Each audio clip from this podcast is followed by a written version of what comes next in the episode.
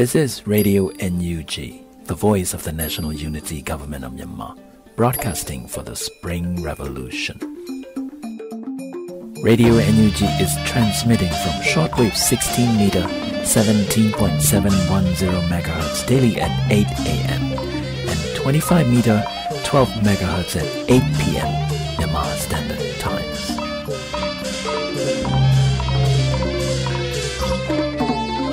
Mingla အမျိုးသားညီညွတ်ရေးအစိုးရရဲ့အသံလွှင့်ဌာန Radio NUG ကိုမနေ့၈နိုင်မှာလိုင်းဒိုမီတာ16မီတာ18.87 MHz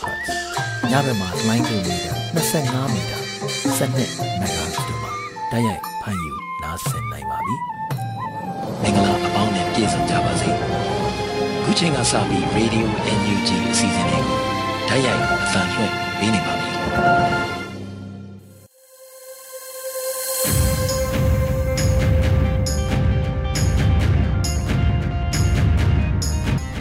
မြန်မာနိုင်ငံသူနိုင်ငံသားအပေါင်းတဘာဝပြီးစစ်အာဏာရှင်ဘေးတို့ကနေကင်းဝေးပြီးကိုယ်စိတ်နှဖျားကျန်းမာလုံးချုံကြပါစေလို့ရေဒီယိုအယူဂျီအဖွဲ့သားများကဆုတောင်းမေတ္တာပို့သလိုက်ရပါတယ်ရှင်။အခုချိန်ကစပြီးနောက်ဆုံးရသတင်းအကျဉ်းချုပ်ကိုຫນွေဦးမိုင်မှဖက်ကြားတင်ဆက်ပေးမှာဖြစ်ပါတယ်ရှင်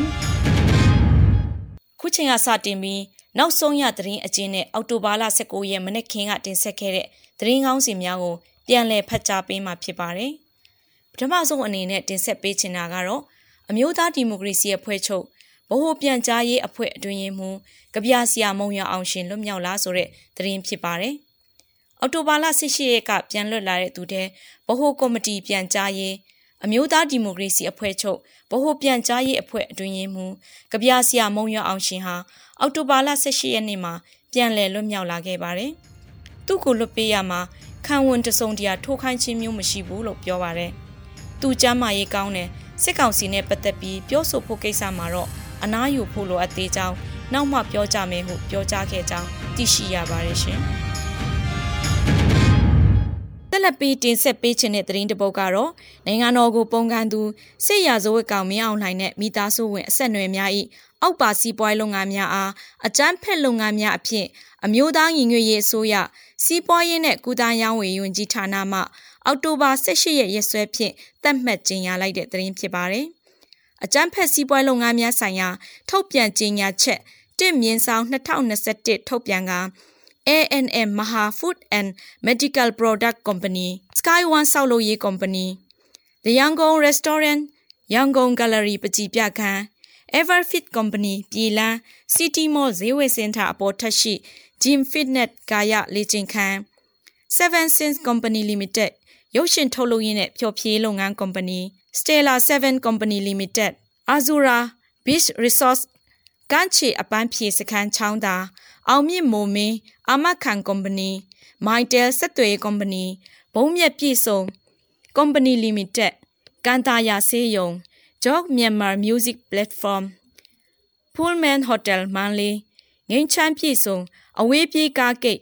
ရန်ကုန်ရခိုင်မိုးကောင်းရနာမိခင်နဲ့ကလေးအထူးကူဆေးယုံစသည့်လုပ်ငန်းများနဲ့ဆက်ဆက်နေသောပိုင်ရှင်အမိခံများဒါရိုက်တာအဖွဲ့ဝင်များအစုရှယ်ယာဝင်များဝန်ထမ်းများစီးပွားရေးရာဆက်ဆက်လုပ်ကိုင်နေသူများအားဖော်ထုတ်၍နိုင်ငံတကာဥပဒေလှုပ်ထုံးလုပ်နည်းများနဲ့အညီအရေးယူဆောင်ရွက်သွားမည်ဟုပါရှိပါတယ်။နောက်ထပ်သတင်းတစ်ပုဒ်ကတော့ KNU ရဲ့ထုတ်ပြန်ကြေညာချက်ဖြစ်ပါတယ်။ ရင်းကြေညာချက်တွင် ဖာပွန်ခရိုင် KNU တပ်မဟာ9နေမြေဖက်သို့အင်အားဖြစ်တင်းရန်တွားရောက်သည့်စစ်ကောင်စီတပ်ဖွဲ့မှဗိုလ်မှူးတအူအပါဝင်စုစုပေါင်း9ဦးသေဆုံး9ဦးဒဏ်ရာရခဲ့ကြောင်းပါရှိပါတယ်။အာနာသစ်စစ်ကောင်စီခမရ959နဲ့ခမရ993တပ်တို့မှအင်အား160ခန်းသည် တံပဟာ9တို့တွားရောက်ရန်အတွက်ညောင်လေးပင်ခရိုင်ကြောက်ကြီးမြို့နယ်မူတဲရွာကျေးရွာသို့အောက်တိုဘာလ23ရက်နေ့ကရောက်ရှိခဲ့ပါတယ်။အောက်တိုဘာလ14ရက်နေ့တွင်မူတဲရွာမှအထက်မူတဲရွာအနီးတွင် လုံခြုံရေးယူထားသောကရင်အမျိုးသားကာကွယ်ရေးတပ်ဖွဲ့ KNDO တပ်ရင်းသုံးနဲ့တိုက်ပွဲ၃ကြိမ်ဖြစ်ပွားခဲ့ပါတယ်။ထိုတိုက်ပွဲတွင်စစ်ကောင်စီဘက်မှဗိုလ်မှူးအဆင့်ရှိသူတဦးပါဝင်9ဦးသေဆုံးပြီး9ဦးဒဏ်ရာရရှိသည်ဟုသတင်းရရှိခဲ့ကြောင်း KNU မှအောက်တိုဘာလ18ရက်နေ့တွင်သတင်းထုတ်ပြန်ခဲ့တာဖြစ်ပါတယ်။ဆက်လက်ပြီးအောက်တိုဘာလ19ရက်နေ့ရသတင်းကောင်းစင်များကိုတင်ဆက်ပေးမှာဖြစ်ပါတယ်။သတင်းကောင်းစင်များကတော့အာဆီယံထိပ်သီးညီလာခံတက်ရောက်ဖို့ကိုယ်စားလှယ်ရွေးရမှာအကြံပြုတ်ဖို့ UNG အစဉ်သင့်ရှိတဲ့သတင်းကိုဗစ်ကာကွယ်ဆေးပြည်သူအလုံးထိုးနိုင်ဖို့အစွမ်းကုန်ကြိုးပမ်းမိဟု NUG ကထုတ်ပြန်တဲ့သတင်းစစ်တပ်၏ရာဇဝတ်မှုများအတွက် တာဝန်ယူမှုတာဝန်ခံမှုတရားမျှတမှုရှိရန်ဆောင်ရွက်ရမည်ဟု NUG ဝန်ကြီးဦးအောင်မျိုးမင်းထုတ်ပြန်တဲ့သတင်း။ຫນွေဦးတော်လှန်ရေးရန်ပုံငွေအတွက်ကြားပေါက်ဤယူကလီလီအနုပညာဒေါ်လာ29500နဲ့လေလံပွဲအောင်မြင်တဲ့သတင်း။ရန်ကုန်ရှိအမေရိကန်တန်ယုံ ဒုတိယအကြီးအကဲကຫນွေဦးတော်လှန်ရေးအတွင်ကြဆုံခဲ့သော သူရဲကောင်းများအားအထိတ်အမှတ်ကိုဂုဏ်ပြုတဲ့သတင်းမြန်မာနိုင်ငံတဝန်းစစ်အာဏာရှင်စန့်ကျင်ရေးလူထုဆန္ဒပြပွဲများဆက်လက်ဆင်နွှဲနေစေသတင်းလော့ဒေါင်းချထားတဲ့မန်တုံမှာကိုဗစ်ကူးစက်ခံရသူ100ကျော်ရှိလာနေတဲ့သတင်းကြောက်စဲမြို့ရှိပရဟိတဘုံတော်ကြီးကျောင်းမှဆရာတော်ကိုကျောင်းမှစွန့်ခွာရန်စက်ကောင်စီမှဖိအားပေးတဲ့သတင်းမိုးရေကြီးမှုကြောင့် စလင်းမြို့နယ်တွေကစိုက်ခင်းတွေချောင်းရင်နဲ့မျောပါပျက်စီးခဲ့တဲ့သတင်းတို့ဖြစ်ပါတယ်။ကျွန်မကတော့ຫນွေဦးမိုင်ဖြစ်ပါတယ်။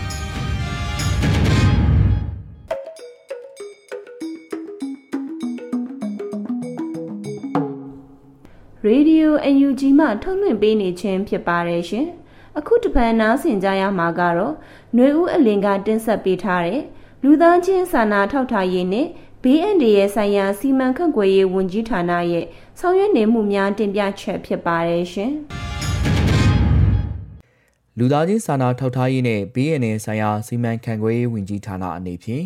အမျိုးသားညီညွတ်ရေးအစိုးရစတင်ဖွဲ့စည်းခဲ့သည့်အချိန်မှစ၍လက်ရှိအချိန်ထိ6လအတွင်းလူသားချင်းစာနာမှုအကူအညီထောက်ပံ့မှုစုစုပေါင်းပမာဏမှာငွေကျပ်1.5ဘီလီယံခန့်ရှိခဲ့ပြီးဖြစ်သည်။ဤ6လအတွင်း စစ်ဘေးရှောင်တဲ့နေရဲစွန့်ခွာပြည်သူများအတွက်ထောက်ပံ့မှုငွေကျပ်923တန်ပရိပခကာလအတွင်းစားနပ်ရိက္ခာဖူလုံရေးအတွက်ငွေကျပ်950တန်နဲ့အခြားလူသားချင်းစာနာမှုအကူအညီများအတွက်ငွေကျပ်204တန်ထောက်ပံ့ပေးပို့ခဲ့ပြီးဖြစ်သည်ပြည်သူခုခံစစ်စတင်သည့်စက်တင်ဘာလနဲ့အောက်တိုဘာလအတွင်းနိုင်ငံအနှံ့လူသားချင်းစာနာမှုအကူအညီများအတွက်စုစုပေါင်းငွေကျပ်335တန် ထောက်ပံ့ပေးပို့ခဲ့ပြီးဤကာလအတွင်းစစ်ဘေးရှောင်တဲ့နေရဲစွန့်ခွာပြည်သူများအတွက်ထောက်ပံ့မှုမှာငွေကျပ်60တန်းခန့်ဖြစ်သည်လက်တလောတွင် ထိုးစစ်ဆင်မှုကိုပုံမခန်းစားလာရသောဒေသများအားထောက်ပံ့မှုအကူအညီများဆက်လက်ပေးပို့နိုင်ရန်တအားသရွေ့စီစဉ်ဆောင်ရွက်လျက်ရှိပါသည်ထို့အပြင်လူသားချင်းစာနာကူညီရေးနှင့်ဘေးအန္တရာယ်တုံ့ပြန်ရေးကော်မရှင်ရဲ့ ညှိနှိုင်းကောင်တယ်ဖော်ရေးလုပ်ငန်းကော်မတီကိုပြည်내နှင့်တိုင်းဒေသအသီးသီးမှကိုယ်စားလှယ်များဖြင့်ဖွဲ့စည်းထားရှိပြီးအလူရှင်ဖွံ့ဖြိုးရေးမိဖက်ဖွဲ့စည်းများမိဖက်နိုင်ငံများနှင့်လူသားချင်းစာနာမှုအကူအညီရရှိရေးအတွက်တွိဆုံဆွေးနွေးမှုများပြုလုပ်လျက်ရှိသည်လူသားချင်းစာနာမှုအကူအညီများပေးအပ်ရာတွင်အရေးပါသောနိုင်ငံတကာနှင့်ပြည်တွင်းငွေကြေးစည်းစိမ်မှုပုံမိုးလွယ်ကူ အဆင်ပြေလာစေရေးအစီအစဉ်များကိုလည်းချမှတ်အကောင့်ထဲပေါ်လျက်ရှိပါသည်အောက်တိုဘာလ23ရက်နေ့တွင်ကြာရောက်သောအပြည်ပြည်ဆိုင်ရာဘေးရန်ရဲ့ထိကိုက်ဆုံးရှုံးနိုင်ခြင်းရှော့ချရေးနှင့်အထိမ့်မဲ့အနေဖြင့်စကားဝိုင်းစီစဉ်ကိုအမျိုးသားညီညွတ်ရေးအစိုးရလူမှုကွန်ရက်စာမျက်နှာများမှထုတ်လွှင့်ခြင်းဝန်ကြီးဌာနဝန်ထမ်းများရဲ့အထိမ့်မဲ့နေကြပြများနဲ့စောင်းမများကို လူမှုကွန်ရက်မှဝေမျှခြင်းနဲ့ ပြည်သူအလုံးပါဝင်နိုင်သော လူမှုလှုပ်ရှားမှုတစ်ခုကိုလူမှုကွန်ရက်များတွင် ပြုလုပ်ခြင်းတို့အားအောင်မြင်စွာကျင်းပနိုင်ခဲ့ပါသည်။ဘီယန်နီရဲ့ကြိုတင်ကာကွယ်ရေးနဲ့မိုးလေဝသသတင်းကိုအပတ်စဉ်ထုတ်ပြန်လျက်ရှိပြီးပရိပခအခြေအနေများအတွင်းကြိုတင်ပြင်ဆင်ရန်နည်းလမ်းများအားလူမှုကွန်ရက်များနဲ့ရေဒီယိုအစီအစဉ်များမှတဆင့်ပြည်သူများတတိပြုမိစေရန်ထုတ်ပြန်ခဲ့ပြီးဖြစ်သည်၎င်းပြင် ဝင်ကြီးဌာန CDN ဝန်ထမ်းများအတွက်စွမ်းဆောင်ရည်မြင့်တင်ပေးခြင်းတင်နန်းများနဲ့ဝန်ထမ်းများရဲ့တာသမီများအတွက်မူကြိုတင်နန်းဖွင့်လှစ်ခြင်းအစီအစဉ်များကိုဆောင်ရွက်လျက်ရှိပြီးနေရဲစွန့်ခွာသူများအတွက်အသက်မွေးဝမ်းကြောင်းပညာရေးဆိုင်ရာသင်တန်းများပေးခြင်းအစီအစဉ်ကိုလည်းစီစဉ်လျက်ရှိသည် COVID-19 တတိယလှိုင်းပေးတဲ့ကြောင့်စိတ်လူမှုတောကခန်းစားရသူများအားစိတ်ခွန်အားမြင့်တင်ခြင်းဆိုင်ရာနှစ်သိမ့်ဆွေးနွေးအကြံပေးခြင်းအစီအစဉ်ကိုလည်းဆက်လက်လှုပ်ဆောင်လျက်ရှိပါသည်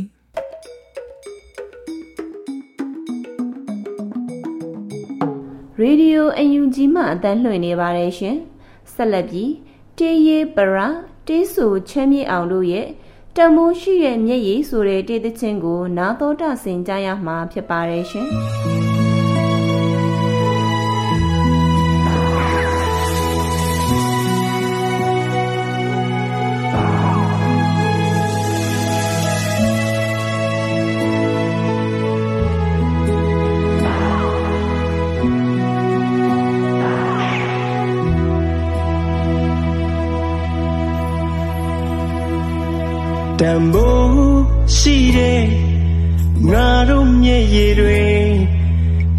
ရားပေါ်မှာကြာစနေညော်လေးချက်နဲ့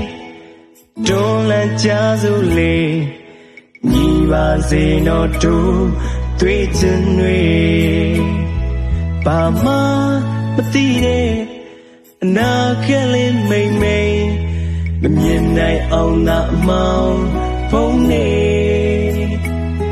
သူတို့ဘဝအတွက် ထင်နိုင်ချေကနေအနေခံဘဝဟာပြည်သူပြည်သားတွေအိုလုံးရတဲ့စေအာနာရှင်တွေအာနာရှင်တွေတကယ်ရက်စက်တဲ့ရက်စက်တဲ့ပိုးတဲ့သမားတွေတွေအမေလဲအားနေလို့ရွယ်အိုနေပြီလေဘာလို့ခမ တို့အနိုင်လို့ကျင်တယ်လေဖြေဘာလို့ခမတို့အနိုင်လို့ကျင်တယ်လေဖြေ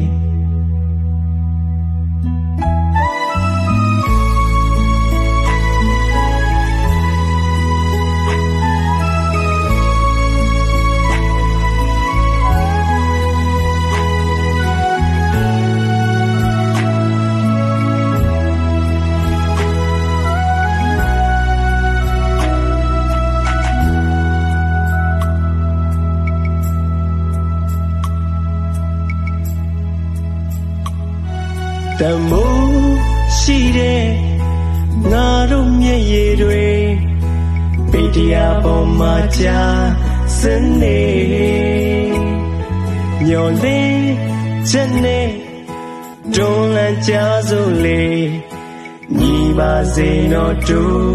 တွေ့ချင်တွေဘာမှမသိတဲ့အနာကလေးမိမ့်မိန်မမြင်နိုင်အောင်နာအမောင်ဖုံးနေမျော်လင့်ချက်နဲ့တွန်းလန်းကြစို့လေညီပါစေတော့တို့တွေ့ချင်တွေ တဲ့စေအာနာရှင်တွေအာနာရှင်တွေကရက်စက်တဲ့ရက်စက်တဲ့သမားတွေတွေအမေလဲအားနေလို့ရဲ့အိုနေပြီလေဘာလို့ခမတို့နိုင်လို့ချင်တယ်လေဖြေအိုလုံးရဲ့တဲ့အာနာရှင်တွေအာ ရက်စက်တဲ့သမားတွေသမားတွေအမေလဲအားနေလို့ရဲ့အိုနေပြီလေဘာလို့ခမတို့အနိုင်လို့ခြင်းလဲဖြေဘာလို့ခမတို့အနိုင်လို့ခြင်းလဲဖြေ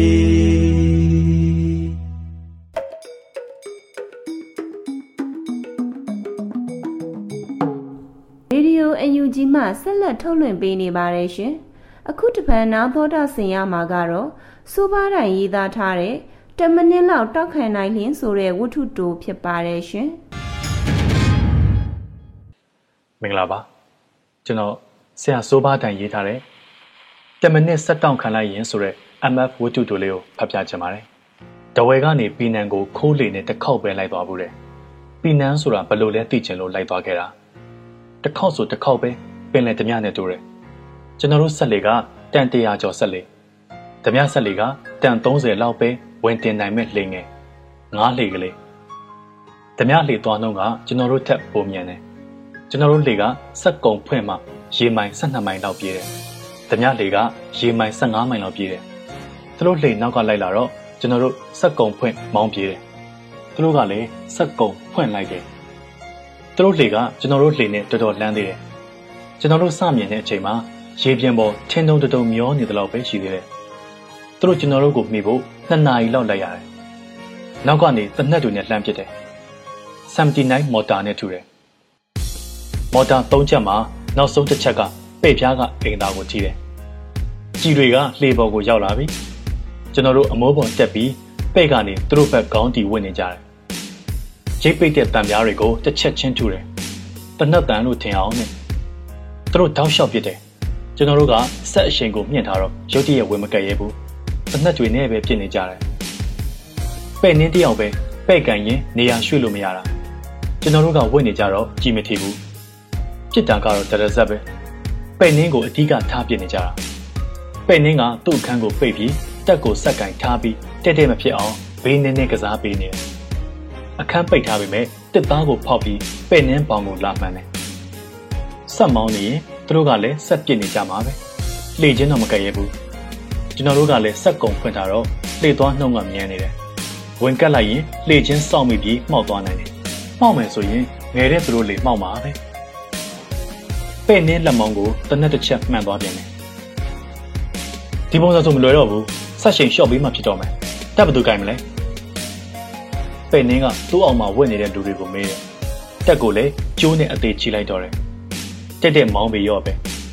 တက်တက်မောင်းရင်တော့သူတို့ဝင်းကက်ရဲသွားမှာပဲဆက်ကိုအရှိန်မလျှော့ပဲတက်မကိုပဲတက်တဲ့အသေးချီပြီးပဲ့နင်းလဲဝတ်ရတော့တာပဲဓမြလေကဘေးကနေနည်းနည်းခွာပြီးလိုက်နေတယ်တောက်လျှောက်ပြစ်နေတာဆိုတော့အချက်ရာချီရှိနေပြီ79နဲ့ပဲ့နင်းကန်းကိုတစ်ချက်ထူတယ်ဆက်လျှော့စမ်းမလျှော့ရင်လှေပေါ်ရောက်တာနဲ့အကုန်တေးပြီးမှတ်တော့ဓမြတွေကလှမ်းអော်တယ်အပတ်ချမ်းသာပေးရင်လျှော့မယ် ဆက်လေတာဝန်ခံကလမ်းអော်တယ်လူမလို့ဘူးပစ္စည်းပဲယူမယ်ကျွန်တော်တို့ဆက်လေလီပါလျှော့ချပေးလိုက်တယ်သူတို့လှေပေါ်တက်လာကြတယ်တနတ်တွေနဲ့ချိန်ပြီးလှေရှိကုန်းဘက်ပေါ်မှာမှောက်ခိုင်းတယ်ပြီးတော့ကျွန်တော်တို့တည်လာတဲ့ရာဘာနဲ့ခဲမဖြူတွေကိုသူတို့လှေထဲချခိုင်းတယ်ဓမြလှေတွေကဆက်စရာကျွန်တော်တို့လှေပေါ်တက်လာတယ်ဒီဇယ်တွေသူ့စီတိုင်ကြီးထဲထည့်တယ်လက်မတင်ကလေးပဲစီကုန်နေပြီဗျ တမနစ်စာတော့မရှိတော့ဘူး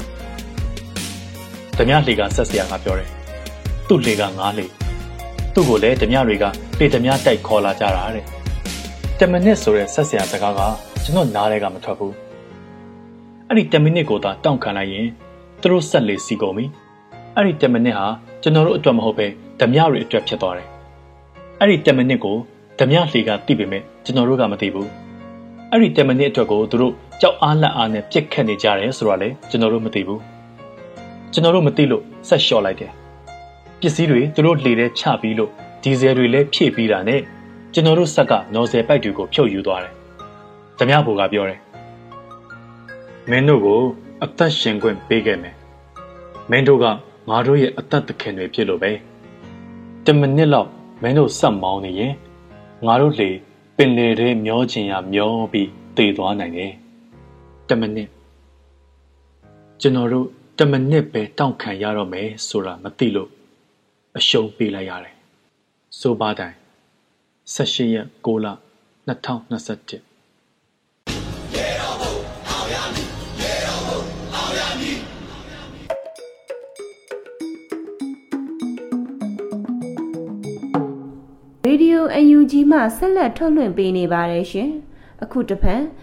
တစ္ဆပေါင်းနှင့်စစ်ရာဇဝတ်ကောင်များအရေးယူခြင်းဆောင်ပါကိုဟိန်းကိုကိုမှတင်ဆက်ပေးမှာဖြစ်ပါတယ်ရှင်။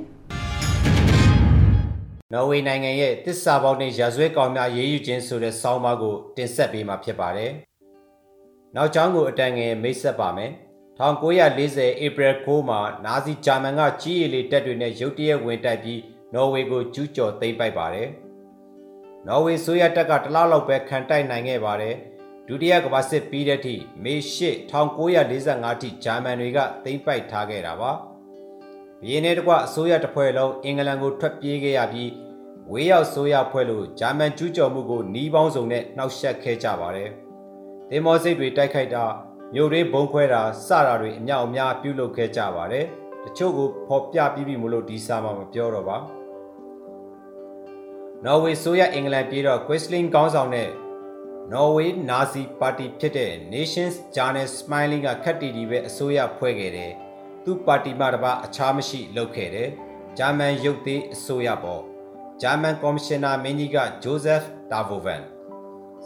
နာဇီအုပ်ချုပ်မှုဆိုတော့တည်တဲ့အတိုင်းပေါ်တာဆွဲတာဖမ်းတာမထင်သလိုတတ်တာနှိပ်စက်တာစတဲ့ရာဇဝတ်မှုတွေကိုနေ့တိုင်းကျူးလွန်ခဲ့ကြတာပေါ့။ဒါတွေကြောင့်အဝေးရောက်ဆိုရက1941-42မှာ စစ်ရာဇဝတ်မှုကျူးလွန်သူတွေဂျာမန်အုပ်ချုပ်မှုကိုပူးပေါင်းခဲ့သူတွေကိုစစ်ရာဇဝတ်ကောင်တွေဖြစ်တတ်မှတ်အရေးယူဖို့ဥပဒေတချို့ကိုပြင်ဆင်ခဲ့ကြတယ်။နော်ဝေဝေရောက်ဆိုရရဲ့စစ်ရာဇဝတ်မှုမြောက်တယ်လို့သတ်မှတ်ချက်မှာဂျာမန်တွေနဲ့ပူးပေါင်းခဲ့သူမှန်သမျှ Nations Journal Smiley Party ဝင်အားလုံးကိုသတ်မှတ်ပါတယ်။နောက်စီးပွားရေးကူးတန်းရောင်းဝယ်ရေးတွေမှာပူးပေါင်းခဲ့သူတွေကိုလည်းတိုင်းပြည်တစ္ဆာပေါက်တွေဖြစ်သတ်မှတ်ပါတယ်။ဂက်စတာဘိုမှာလုပ်ခဲ့သူ မျိုးတွေကိုကြတော့စစ်ရာဇဝတ်ကောင်တွေဖြစ်သတ်မှတ်ပါတယ်။တချို့အမျိုးအစားများစွာရှိပါသေးတယ်။အသေးမစိတ်တော့ပါ။နော်ဝေပျောက်ကြားဖွဲ့ကအများကြီးပါ။ဒါတွေကိုနော်ဝေအဝေးရောက်အစိုးရကစီမံတယ်။ဗြိတိရှားကအဓိကကူညီတယ်။ပျောက်ကြားတွေကခါတလေပေါင်းချတယ်သူတို့လှုပ်ရှားမှုတွေကအများကြီးပဲဖောက်ခွဲရေးဆက်သွယ်ရေးထောက်လန်းရေးပစ္စည်းမျိုးစုံထောက်ပို့ရေး စစ်ကြောင်ထွက်ပြေးရတဲ့ပြည်သူတွေကိုကူညီရေးစတဲ့အလုပ်တွေလုပ်ကြရတယ်တချို့ကိုစစ်အတွင်းမှာကလေးကဆွီဒင်မှာရဲတင်တန်းတက်ထားစေတယ်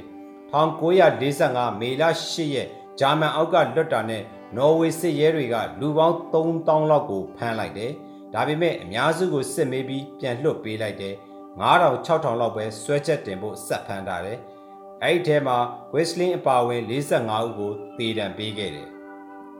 တရားစွဲခံရတဲ့အထက်မှာ1920စာပေနိုဘယ်ဆုရှင်ကြီး Knut Hansen လည်းပါခဲ့တယ်။သူကဟစ်တလာနဲ့နာဇီပါတီကိုအစောကြီးတွေကထောက်ခံရေးသားတာတွေတလျှောက်လုံးလှုပ်လာခဲ့တယ်။ဂျာမန်တွေကျူးကျော်တော့နော်ဝေလူငယ်တွေပပုံကန်ကြဖို့ပြောခဲ့ရေးခဲ့တယ်။ဟစ်တလာကိုသူ့ရဲ့နိုဘယ်ဆုကြီးကိုသွားပေးတဲ့အထိထောက်ခံခဲ့တယ်။အဲဒီအချိန်မှာကနုဟန်စင်က80ကျော်နေပြီ။ အသက်ကြီးတာနဲ့ကျန်းမာရေးအကြောင်းပြပြီးတရားရုံးရင်မဆိုင်ခဲ့ဘူး။ဒါပေမဲ့ရော်ကြီးများစွာကိုရိုနာ3သိန်းပေးဖို့ချမှတ်ခံရတယ်။လွယ်လွယ်နဲ့အရေးယူနိုင်ခဲ့တာတော့မဟုတ်ဘူး။အဓိကအရေးကြီးဆုံးကတေတံကို ပြန်အသက်သွင်းတာပါပဲ။နော်ဝေးမှာဂျာမန်မကျူးကျော်ခင်ထိတေတံကိုပယ်ဖြတ်ပြီးသားပါအခုလဲတေတံကို ပြန်ပြီးတော့ပယ်ဖြတ်ထားပါပြီနော်ဝေး အဝေးရောက်ဆိုရကအလုတ်ကျန်းတဲ့ထောင်တန်းငွေတန်းပိုင်ဆိုင်မှုသိမ်းတာစတာတွေအပြင်တေတံကိုပါရာဇဝတ်ကောင်တွေကိုပြစ်ဒဏ်ပေးဖို့ပြန်အသက်သွင်းခဲ့တာပါသူတို့ကအခြေခံဥပဒေလဲကြကြနနရှိပြီးလူအခွင့်အရေးလဲလေးစားလေတော့ဥပဒေအမြင်လူအခွင့်အရေးအမြင်တွေအကြီးအကျယ်ရင်းခုန်ခဲ့ကြပါတယ်။လူသားဝါဒသမားတွေကတေတံကိုပြန်အသက်သွင်းတာဟာယဉ်ကျေးမှုကိုနောက်ပြန်ဆုတ်တာလို့ကန့်ကွက်ကြပါတယ်။ နောက်ဆုံးဒီဘိတ်တွေအကျိတ်နဲ့ဖြစ်ပြီးတေတံကိုပြန်အသက်သွင်းဖို့ကအနိုင်ရခဲ့တာပါ။အခြေခံကတော့ရာဇဝတ်သားကိုအပြစ်ပေးခြင်းကသာလျှင်လုံခြုံတဲ့လူပောင်ကိုတိဆောက်နိုင်မယ်လို့ယုံကြည်ခဲ့မှုကအနိုင်ရခဲ့တယ်လို့ဆိုရမှာဖြစ်ပါတယ်လို့ရေးသားထားပါတယ်ခင်ဗျာကျွန်တော်ဟိန်းကိုကိုပါ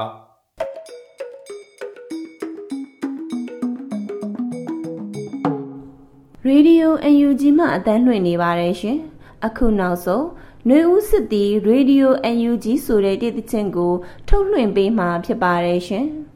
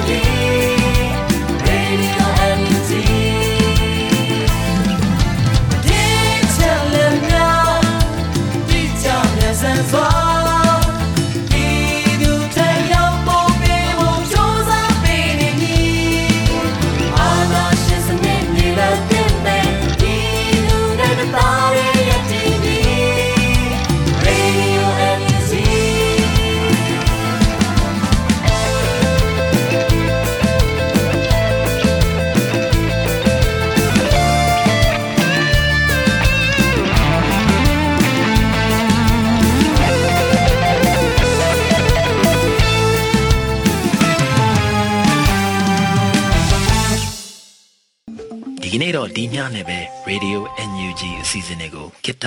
ရန်နာလိုက်ပါမယ်မြန်မာစံတော်ချိန်မနေ့၈နာရီညနေ၈နာရီတို့မှာပြန်လည်တွေ့ဆုံကြပါစို့ Radio NUG ကိုမနက်၈နာရီမှာလှိုင်းဒိုမီတာ16မီတာ19.87 MHz ညဘက်မှာလှိုင်းဒိုမီတာ25မီတာ17 MHz တို့မှာတိုက်ရိုက်ဖမ်းယူနားဆင်နိုင်ပါပြီ။မြန်မာနိုင်ငံသူနိုင်ငံသားများ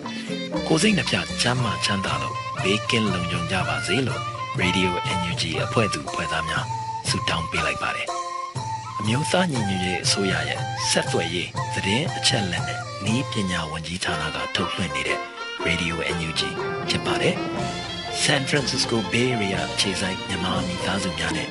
နိုင်ငံတကာကစေတနာရှင်များလုံအားပေးများရဲ့ Radio NUG ဖြစ်ပါတယ်။အရေးတော်ပုံအောင်ရမည်